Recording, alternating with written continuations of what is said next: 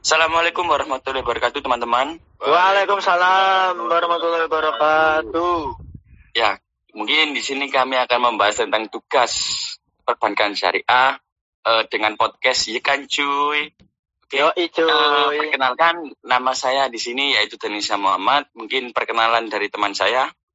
Ya, saya sendiri Muhammad Rizky Imani Harmain dari Halo. Ekonomi Islam 2019A NIM 19081194027 dan teman Oke. saya saya kan, Sultan Fahad Muhammad Sultan Fahad Satriansyah dari kelas yang sama seperti Mas Rizky soalnya tadi Mas Rizky sudah lengkap ngomongnya Iya, di sini kami satu kelas ya. Uh, di sini kami akan membahas tentang uang, bunga, dan riba. Oke, uh, mungkin di sini uh, untuk dari teman-teman sendiri dari unga, bunga, dan riba itu mungkin ada yang sedikit dibingungkan ya. Apa sih bunga itu dan gimana sih riba itu uh, dan konsep uang sendiri itu seperti apa? Itu mungkin di sini kita bahas lebih dalam mengenai hal-hal itu. Bukan begitu, Mas, Mas Sultan? Benar, benar. Bunga itu bunga siapa dulu? Ya, bunga yang dimaksud di sini bukan bunga nama orang ya. Oh, nah, bukan nama kita orang. akan membahas tentang konsep bunga sendiri itu. Oke, okay, oke. Okay. Okay. Uh, mungkin untuk uang sendiri, konsep uang sendiri mungkin bisa dijelaskan dari Mas Sultan ya. Gimana sih konsep dari uang tersebut ya Mas? Silakan. Oke. Kalau uang itu menurut Al-Ghazali dan Ibn Khaldun digunakan sebagai alat tukar atau standar ukuran dari nilai-nilai harga. Kemudian dijadikan media transaksi, pertukaran. Jadi kalau misalnya mau beli barang itu bisa ditukarkan dengan uang seperti itu kira-kira. Nah, tapi ada juga menurut uh, eh, JP Cora Ward, uang itu adalah segala sesuatu yang diterima secara luas sebagai media pertukaran. Ya mungkin maksudnya hampir sama lah ya sebenarnya. Namun dalam konsep ekonomi Islam, uang itu jelas bahwa uang adalah uang, bukan kapital. Sehingga dalam ekonomi konvensional, uang tidak jelas, yakni uang tidak hanya sebagai uang namun juga sebagai kapital. Nah gitu. Jadi mungkin yang membedakan uh, ekonomi secara Islam dan konvensional itu bahwa di ekonomi Islam uang ya uang, bukan bukan sebagai capital. Tapi kalau dalam apa ekonomi konvensional uang itu tidak jelas karena uang itu sebagai uang tapi juga sebagai kapital. Sekarang kita oh, masuk ke mas, eh, mungkin di sini uh, teman-teman mungkin banyak dibungkan ya. Uang adalah kapital itu gimana sih yang dimaksud dari itu semua itu seperti apa gitu loh mas. Maksudnya biar jelas gitu. Takutnya kan teman-teman ini banyak yang tidak tahu akan hal seperti itu. Nah oke okay, oke okay. ini pertanyaannya lumayan berat juga ini teman-teman. Tapi nggak apa, saya jelasin. Nah uang sebagai kapital itu maksudnya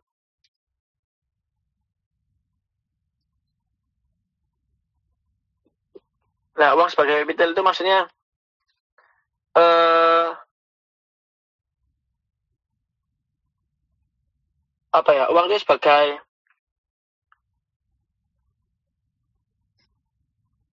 Nah, ini saya lupa-lupa ingat soalnya.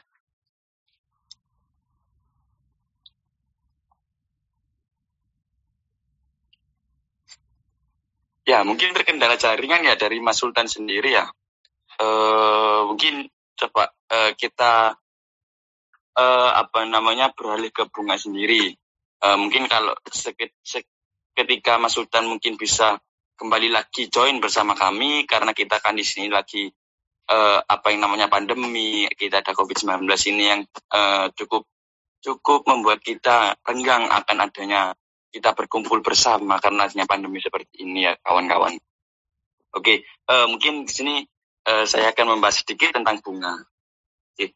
Uh, bunga sendiri, bunga sendiri yang dimaksud di sini yaitu bukan bukan apa apa yang dinamakan tentang bunga yang kata Mas Sultan tadi yaitu bunga tentang apa namanya nama orang bukan sekali ya. Uh, bunga yang saya maksud di sini yaitu tentang uh, gimana sih teori bunga menurut ekonomi konvensional. Oke, okay. uh, teori eh, bunga menurut ekonomi konvensional sendiri yaitu uh, yang pertama ada teori agio mengenai bunga. Yaitu uh, pemilikan uang yang dimiliki sekarang lebih tinggi nilainya daripada di masa yang akan datang. Uh, dan juga yang kedua yaitu ada teori klasikal bunga. Ini uh, masih dalam satu lingkup dengan menurut ekonomi konvensional ya teman-teman. Yaitu halo, halo, itu, tes, tes, tes. Iya, iya. Oke, sudah kembali lagi bersama. Uh, saya selesaikan dulu sebentar ya, Mas. Oh ya, oke, oke, oke. Sorry, sorry, sorry. Terima kasih. Uh, teori klasikal bunga yaitu yang kedua, uh, bunga yaitu harga kapital. Nah, yang dimaksud harga kapital ini nanti akan dijelaskan oleh Mas Sultan itu tadi. Dan yang ketiga yaitu ada teori neoklasik atas bunga. Seperti apa sih itu? Yaitu uh, bunga permintaan kapital yang tidak saja untuk memenuhi kebutuhan investasi tetapi kebutuhan untuk konsumsi. Dan yang keempat dan yang terakhir, teori likuiditas atas uh, teori likuiditas atas bunga itu itu apa sih? Yaitu uang diperuntukkan berdasarkan motif-motif untuk keperluan transaksi berjaga-jaga dan spekulasi seperti itu. E, mungkin nanti saya akan lanjutkan ketika e, Mas Sultan sendiri narasumber kami, eh narasumber kami, kawan kami e, telah tuntas menjelaskan atas uang itu sendiri. Oke, e, dipersilakan Mas Sultan. Oke, tadi e, mohon maaf ya, soalnya keputus, soalnya lagi gak di rumah ini, jadi sinyalnya hmm. agak jelek. Nah, iya uh, yang dimaksud capital sendiri itu dalam apa ekonomi konvensional. Yang dimaksud capital itu uang itu sifatnya bolak-balik yaitu sebagai alat tukar namun juga sebagai capital. Nah ya artinya maksudnya capital itu ketika seseorang mempunyai banyak uang maka mereka akan mendapatkan keuntungan yang banyak juga gitu. Karena uang memiliki fungsi sebagai uh, penyimpan nilai yang kemudian berkembang menjadi uh, motif atau uang yang diuntungkan karena spekulasi seperti itu. Jadi yang biasa kita sering lihat di apa komoditi perdagangan, uang apa uh, jual beli transaksi uang, nah seperti itu itu yang dimaksud capital itu seperti itu. Oh seperti itu, iya iya. Ya. Nah mungkin kita bisa masuk ke ini konsep uang dalam Islam dan konvensional. Dalam Islam eh, konsep uang itu tidak identik dengan modal. Nah, seperti yang apa? Seperti sistem kapital tadi apa dalam ekonomi Islam tidak identik seperti itu. Jadi uang ini tidak bisa diperdagangkan gitu. Terus kemudian ada eh, uang adalah public goods, private goods, private goods, kemudian flow konsep dan stock konsep seperti itu. Nah, yang di, apa sih yang dimaksud eh, kata-kata uh, tadi itu?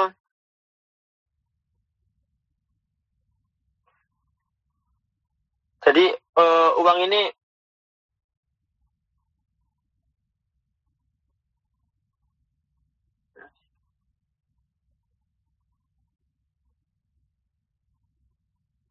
uh, apa terkendala jaringan lagi ya ini sepertinya kawan kami. Halo. Iya, sepertinya kembali jaringan lagi. Ini sepertinya Mas Sultan menggunakan kartu Tri ini sepertinya sangat lemot sekali. Maaf ya untuk provider Tri karena memang uh, provider Anda sangat lemot mending Telkomsel aja. Oke. Okay. Terima kasih. Uh, mungkin saya akan lanjutkan ke apa namanya ke bunga ya? E, bunga sendiri yang di sini yang tadi saya akan eh, ya, jelaskan yaitu oke eh, ada juga beberapa konsep bunga ya di di dalam kita agak bahas agak lebih sedikit ke arah yang agak ke agama tetangga kami yaitu Kristen. Uh, konsep di kalangan Kristen yaitu Kristen menganggap ayat yang terdapat dalam Lukas uh, surat 6 ayat 34 sampai 35 sebagai ayat yang meng yang mengancam yang mengancam sistem bunga tersebut.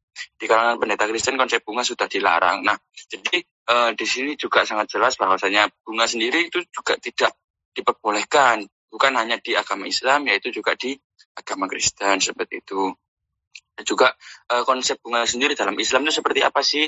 Nah, uang itu sebagai alat tukar, bukan sebagai komoditi atau uh, uang itu bukan juga sebagai kapital. Nah, uh, bahayanya yaitu apa sih? Yaitu penyakit ekonomi riba. Menurut Islam dapat dilihat dari turun turunnya larangan Al-Quran yang diturunkan secara kronologis dibagi menjadi lima tahapan. Nah, lima tahapan tersebut itu apa sih? Menolak anggapan bahwasannya pinjaman riba yang pada zahirnya seolah-olah menolong mereka yang memerlukan tetapi kenyataannya tidak. Itu tertuang pada surat Ar-Rum ayat 39. Dan juga e, riba digambarkan sebagai sesuatu yang buruk itu surat An-Nisa ayat 160 161 dan juga ada surat Al-Imran ayat 130 yaitu riba diharapkan eh, riba diharamkan dengan dikaitkan kepada sesuatu tambahan yang berlipat ganda. E, lalu yang keempat yaitu ada Allah dengan jelas dan tegas mengharamkan apa pun jenis tambahan yang diambil dari pinjaman itu Al-Baqarah ayat 75 sampai 76. Uh, dan yang kelima dan yang terakhir yaitu ada orang yang tetap yang tetap memakan rib, sisa riba yang belum dipungut dapat dikategorikan sebagai orang yang tidak beriman sehingga Allah mengancam dan menyuruh pada Rasulnya untuk memerangi apabila tidak meninggalkan riba walaupun hanya sisa-sisa saja. Tetapi Allah juga mengampuninya bila mereka ingin bertobat. Al-Baqarah ayat 78 179 Halo, ya, Sebentar ya. Halo, ya kembali lagi ini Mas Mas Sultan kawan kami sebentar ya Mas Sultan. Nah, ini sangat jelas, sorry, sorry. sangat jelas. Yaitu eh, dari Al-Quran sendiri itu ada beberapa surat itu yang sudah benar-benar mengancam dan melarang atas atas dasar riba tersebut, yaitu bunga tersebut seperti itu. Nah, e, mungkin kembali lagi bisa dilanjutkan dari Mas Sultan ya. Mohon maaf kawan-kawan di sini kita agak rancu atas materinya karena kendala jaringan itu tadi. Ya, boleh dilanjutkan untuk Mas Sultan. Tadi sampai mana aku? Sampai merupakan uang merupakan public goods ya? Iya, sampai sana lah. Nah, Kira-kira seperti itu. Jadi yang dimaksud public goods itu uang itu merupakan harta milik umum gitu. Nah, yang menjadi pembeda sama ekonomi konvensional dalam ekonomi konvensional ini uang merupakan private goods Nah, jadi harta yang apa milik pribadi itu. Jadi ya tadi itu semakin banyak uang, ya semakin banyak keuntungan. Nah, jadi eh, dalam konsep itu apa, meng, apa menguntungkan satu individu. Nah, itu yang dilarang dalam Islam itu menimbun harta. Nah, ditakutkan nanti ketika eh, uang-uang itu menguntungkan satu individu kan menimbun harta. Nah, itu sangat dilarang oleh ekonomi Islam seperti itu. Bung ini tuh karakter-karakter yang eh, konsep-konsep uang yang membedakan antara ekonomi Islam dan ekonomi konvensional. ini mau langsung langsung dilanjut ke bunga riba atau kita selesaikan dulu ekonomi apa pengertian uangnya Danis dan Rizky. Oke, okay, uh, eh, mungkin dari teori bunga sendiri apa sudah selesai Mas Sultan atau bagaimana? Iya sudah sudah jelas cukup oh, jelas tadi. bunga uang. Oh sudah. Ini oh, uang ini ya? masih mau lanjutkan dulu ke apa? Lembaga keuangan atau gimana? Langsung ke sana? Oh ya, uh, langsung aja ke, ke lembaga keuangan tidak apa-apa. Oke. Okay. Biar Jadi, jelas ya teman-teman yang mendengarkan podcast hmm. dari kami, podcast Yekancu ini. Oke, okay, okay. cuy. Jadi lembaga keuangan syariah non bank itu ada regulasi-regulasinya seperti peraturan peraturan ketua Bapepam dan LK nomor nomor nomor per 03 dan dan banyak lagi peraturan-peraturan di situ. Jadi uh, mungkin ada peraturan-peraturan ini, ada regulasi ini supaya lembaga-lembaga keuangan ini tidak apa ya, tidak tidak rancu seperti itu. Nah, di sini ada lembaga keuangan syariah non bank seperti lembaga asuransi syariah, kemudian lembaga pasar modal syariah, lembaga pengadilan syariah, lembaga dana pensiun syariah, lembaga usaha syariat, kemudian, kemudian yang sering kita dengar mungkin lembaga zakat, lembaga wakaf. Tuh. Jadi memang namanya belakangnya ada syariah-syariahnya sebagai identitas mungkin seperti itu. Ya, Danis dan Rizky mungkin gitu ya. Eh uh, ya, uh, dan kita lanjut ke bukan hanya sekedar apa namanya identitas ya. Memang itu kan memang hukumnya berbeda sama konvensionalnya enggak gitu ya. Iya benar benar. Nah, terus yeah. kita lanjut lagi Mas ya ke fungsi dan peran lembaga keuangan syariah. Oh ya ya, silakan. Jadi silakan. di fungsinya ini ada fungsi aset, lembaga keuangan syariah non bank ini memberikan pinjaman kepada pihak yang membutuhkan dana yang ada jangka waktu tertentunya.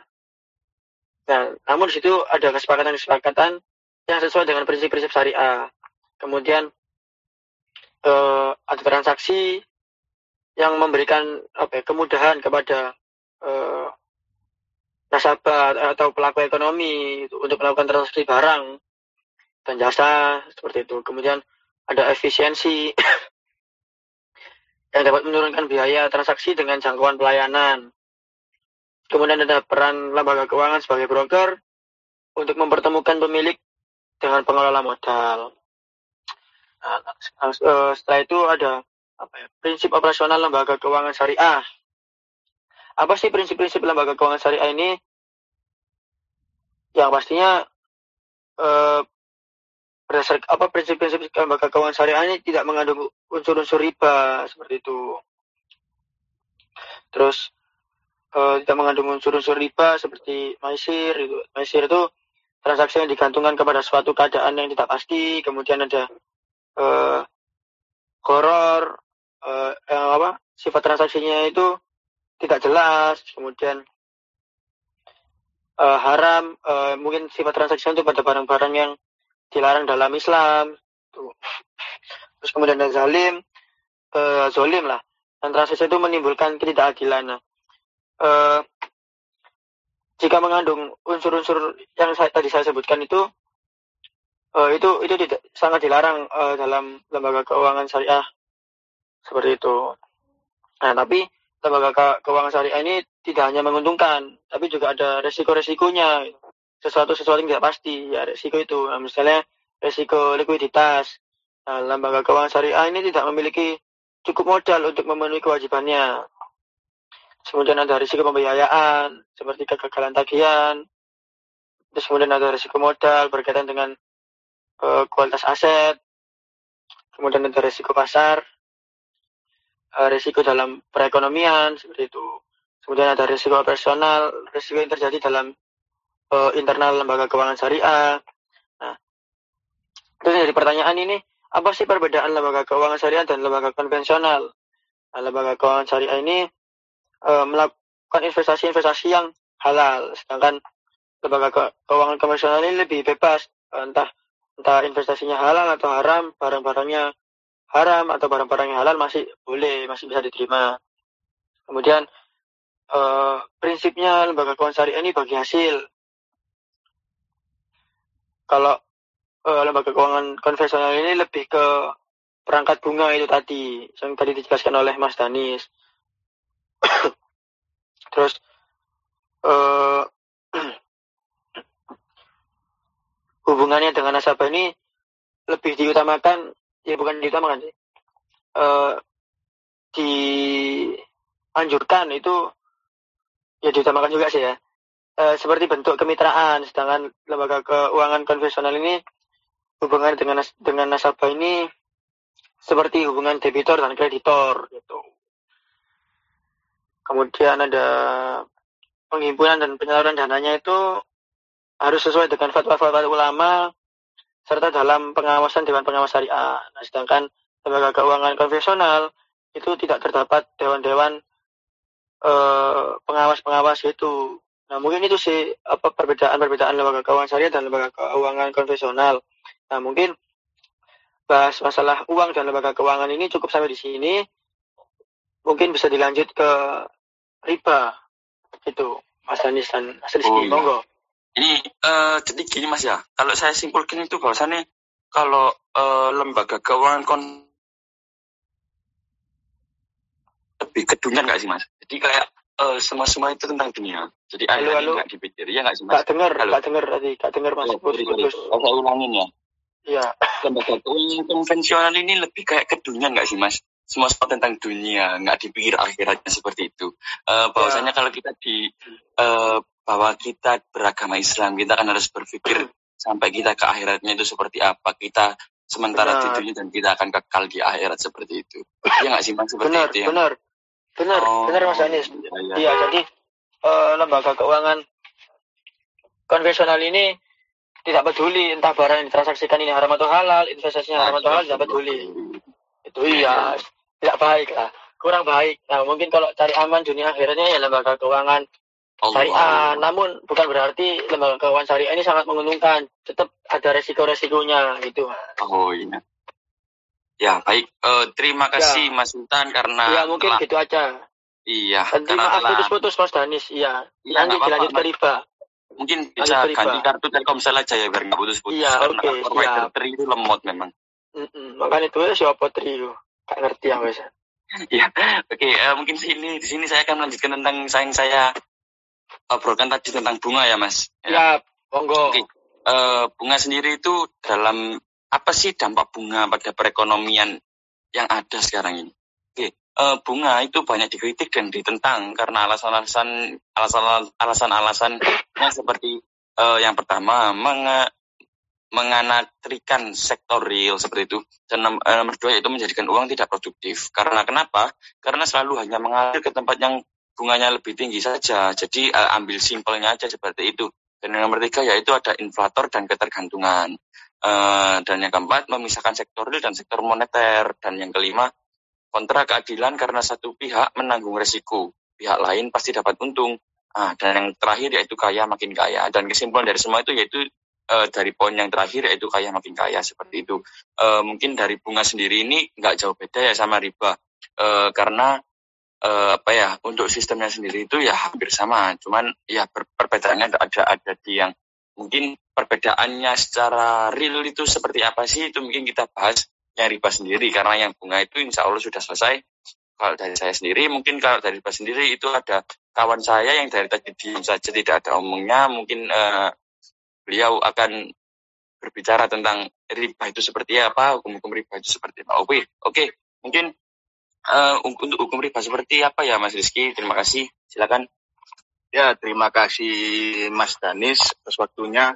Nah, kita sekarang masuk ke riba. Nah, definisi riba secara masyarakat masyarakat umum itu seperti contoh misalnya kayak kawan saya Danis dan Sultan ini Danis meminjam uang ke Sultan meminjam uang 500 ribu dengan jangka waktu pengembalian satu bulan semisal terus si pihak peminjam ini Sultan meminta meminta dana lebih untuk pengembaliannya. Jadi 500 ribu itu tadi si Sultan meminta 50 ribu. Itu sudah termasuk riba secara pandangan masyarakat umum. Nah, secara pandangan umum itu tadi ya sudah 11-12 tidak salah juga sih. Cuma ya 11-12 mungkin benar di secara harfiah definisinya riba. Nah, definisi riba secara harfiah sendiri itu pengembalian tambahan baik dalam transaksi jual beli maupun pinjaman meminjam pinjam meminjam secara batil atau bertentangan dengan prinsip muamalah dalam Islam. Nah, riba itu sama dengan kelebihan. Apakah itu berupa barang maupun uang itu jika kelebihan dan pihak si yang meminjam itu keberatan dan tidak ada janji atau akad di awal di awal peminjaman itu tadi itu sudah termasuk riba. Nah, riba itu kelebihan atau kenaikan dan apabila dalam suatu perjanjian barter meminta adanya kelebihan suatu benda untuk benda yang sama itu juga sudah termasuk riba. Nah, unsur riba unsur riba sendiri terdapat pada hutang yang diberikan dengan syarat si peminjam bersedia membayarnya lebih banyak dari apa yang diterimanya. Riba atau bunga. Jadi riba riba ini kayak sama sama kayak bunga sih. Ya kurang lebihnya samalah 11 12 gitu. Nah, riba atau bunga ini kelebihan atau surplus atas modal pinjaman yang diterima kreditur secara kondisional dalam hubungannya dengan waktu.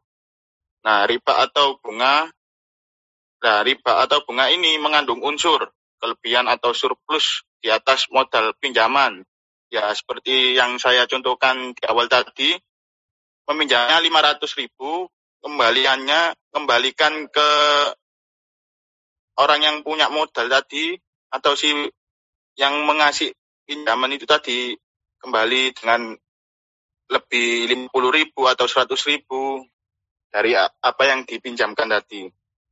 Nah, penetapan kelebihan ini berhubungan dengan waktu, semisal contohnya ya itu tadi satu jangka waktunya satu bulan atau dua bulan gitu. Nah, transaksi yang menjadi syarat pembayaran kelebihan tersebut. Nah, pada keuangan konvensional itu sendiri terdiri terdiri dari eksploitatori, predatory, dan intimidasi. Nah, ekspla, ekspla, eksploitatori pada saat tingkat bunga tinggi maupun rendah, pada tingkat bunga tinggi yang dieksploitasi adalah debitur atau si penerima pinjaman atau si penerima kredit. Pada kondisi ini perekonomiannya sedikit cenderung buruk. Makanya kenapa bernama eksploitatori karena si pemberi pemberi pinjaman ini mengeksploitasi si penerima kredit itu tadi. Dia si peminjam ini, si pemberi pinjaman ini sudah bodoh amat lah apa yang di kondisi ekonominya gimana atau sudah buruk atau baik itu sudah bodoh amat bro. Makanya itu itu namanya eksploitatori atau mengeksploitasi penerima kredit itu tadi. Astagfirullah. Astagfirullahaladzim. Dan predatorinya yang kuat memakan yang lemah. Nah, ya itu tadi yang sudah dijelaskan tadi, eks, di eksploitatori tadi. Kurang mas. lebihnya sama gitu. Iya, iya, iya. Predator, predat, apa? Predat. Predatori uh, predator itu yang kaya makin kaya, yang miskin makin miskin gitu. Nah, iya iya masuk seperti oh, itu. Alah, seperti gitu. Seperti predator masyarakat seperti itu. Ya. Oh iya iya iya. Mengeksploitasi yang oh, miskin, jadi miskin semakin miskin, itu, yang kaya. Itu masuk ke itu mas ya? Apa secara konvensional mas ya? Bukan ekonomi ya. ya? Bukan, bukan. Ini tadi Kayaknya, saya bahasnya pada iya. keuangan konvensional. Ya, itu tadi ekonomi Islam ini sangat menguntungkan banyak orang sebenarnya mas ya. Iya, iya, iya, betul. Untuk secara dunia ya, untuk secara akhirat ya. Dunia nggak menyiksa orang gitu ya. Alhamdulillah. Alhamdulillah. Keseimbangan dunia dan akhirat. Benar, Allah. benar. Tapi keseimbangan manusia juga dipikirkan, Mas. Iya, ya, ya kan? harus. Jadi harus. tidak tidak apa yang miskin juga bisa uh, jadi lebih berkembang karena sumbangan zakat-zakat seperti melalui lembaga-lembaga keuangan tadi gitu Mas ya. Iya, benar. Oke, oke, oke. Terima kasih Mas. Monggo. Ya, jadi ada hablumin Allah, hablumin anas dan ya. hablumin alam. Jadi semua hubungan antara Gusti Allah sama manusia hubungan di dan manusia alam. dan hubungan dengan alam gitu. Oke, okay. mantap. Harus Allah, Allah, Allah. Sesuai proporsinya sendiri-sendiri. Allah. begitu, Mas? Alhamdulillah. Allah, Allah, Allah. Allah, amin, amin, amin. amin, amin. Moga dilanjut pengertian riba. Oh ya, ini tadi masuk di predatory ya dan ini ya. masuk ke intimidasi. Ya kurang lebihnya sama tiga poin ini, eksploitatori, predatori, dan intimidasi.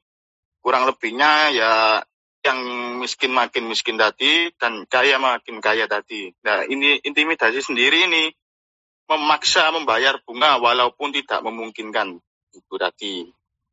Ya masuk ke berkaitan lah tiga poin ini, eksploitatori dan predatory dan in, intimidasi tadi. Kita masuk ke sejarah perkembangan dan hukum.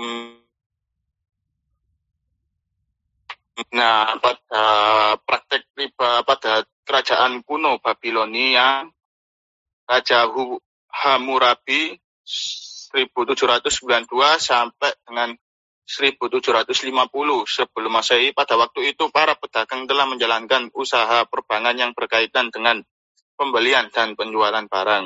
Oh ini mulai masuk ke sejarah mas ya? Sejarahnya mas, ini secara perkembangan ya. Secara perkembangan dan hukum terkait riba itu sendiri. Dan dan riba dalam agama Buddha itu dalam teks India kuno. teks Fedi tahun 2000 sampai 1400 sebelum Masehi, Sutra 700 sampai 100 Masehi dan Jalakatas dalam Buddha 600 sampai 400 sebelum Masehi terdapat istilah usurer atau kusidin atau bunga atau pinjaman riba dan pinjaman demikian dilarang. Riba dianggap perbuatan yang menjijikan dan bertentangan dengan nilai-nilai persaudaraan yang ada di masyarakat. Dalam Jatakas, adanya larangan bagi kasta Brahmana dan kesatria meminjamkan uang memungut bunga. Nah, masuk ke konsep riba pada zaman Yunani dan Romawi.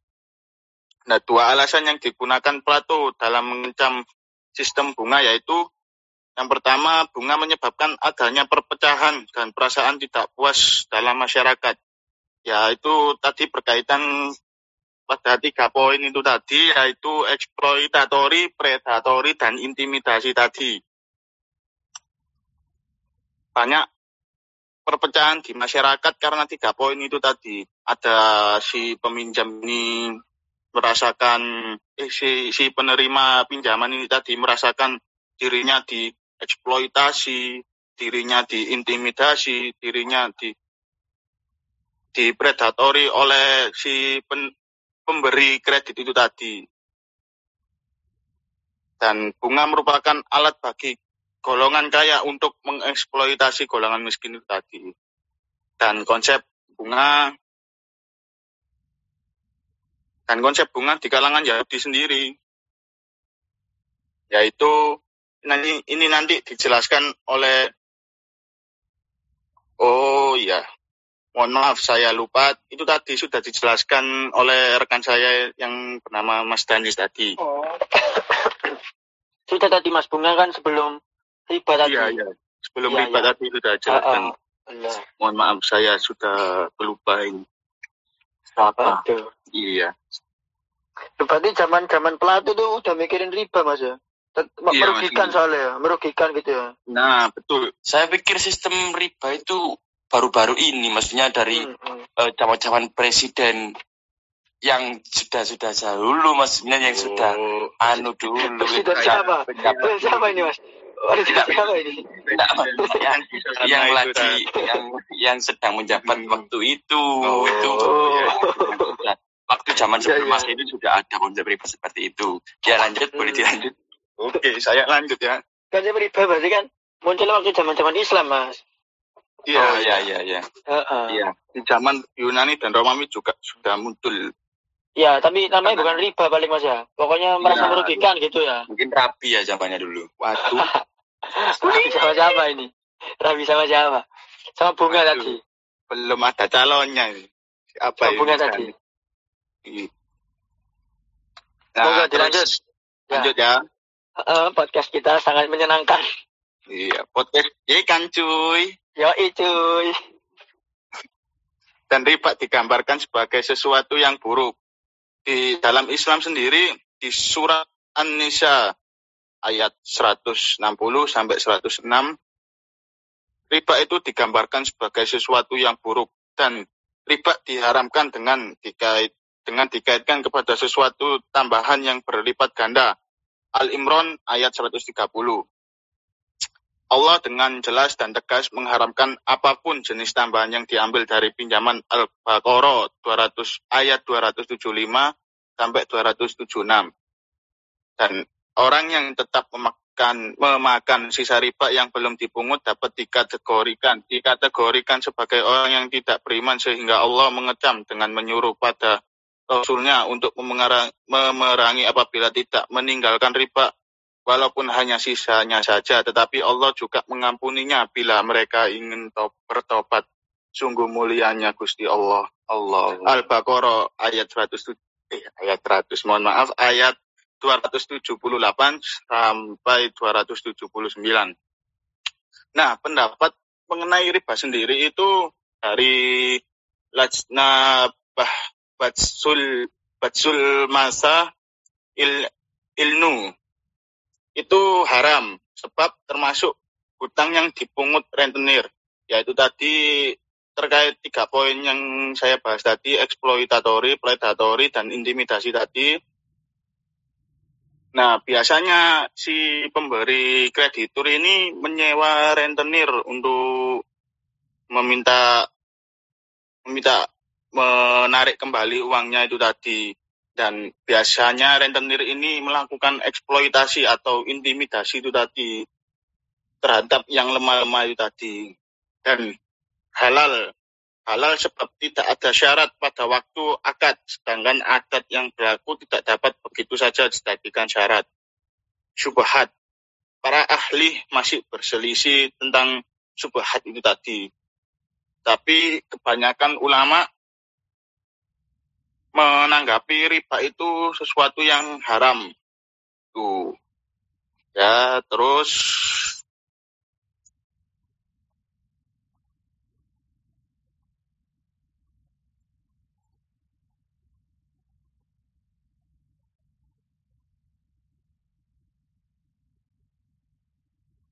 Nah, dampak dampak riba sendiri dampak riba sendiri pada dampak riba sendiri pada perekonomian itu riba banyak dikritik dan ditentang karena alasan-alasan sebagai berikut. Seperti contohnya menganaktirikan sektor real menjadikan uang tidak produktif karena selalu hanya mengalir ke tempat yang bunganya lebih tinggi, inflator dan ketergantungan, memisahkan sektor real dan sektor moneter kontra keadilan ke, karena suatu pihak menanggung resiko pihak lain pasti dapat untung.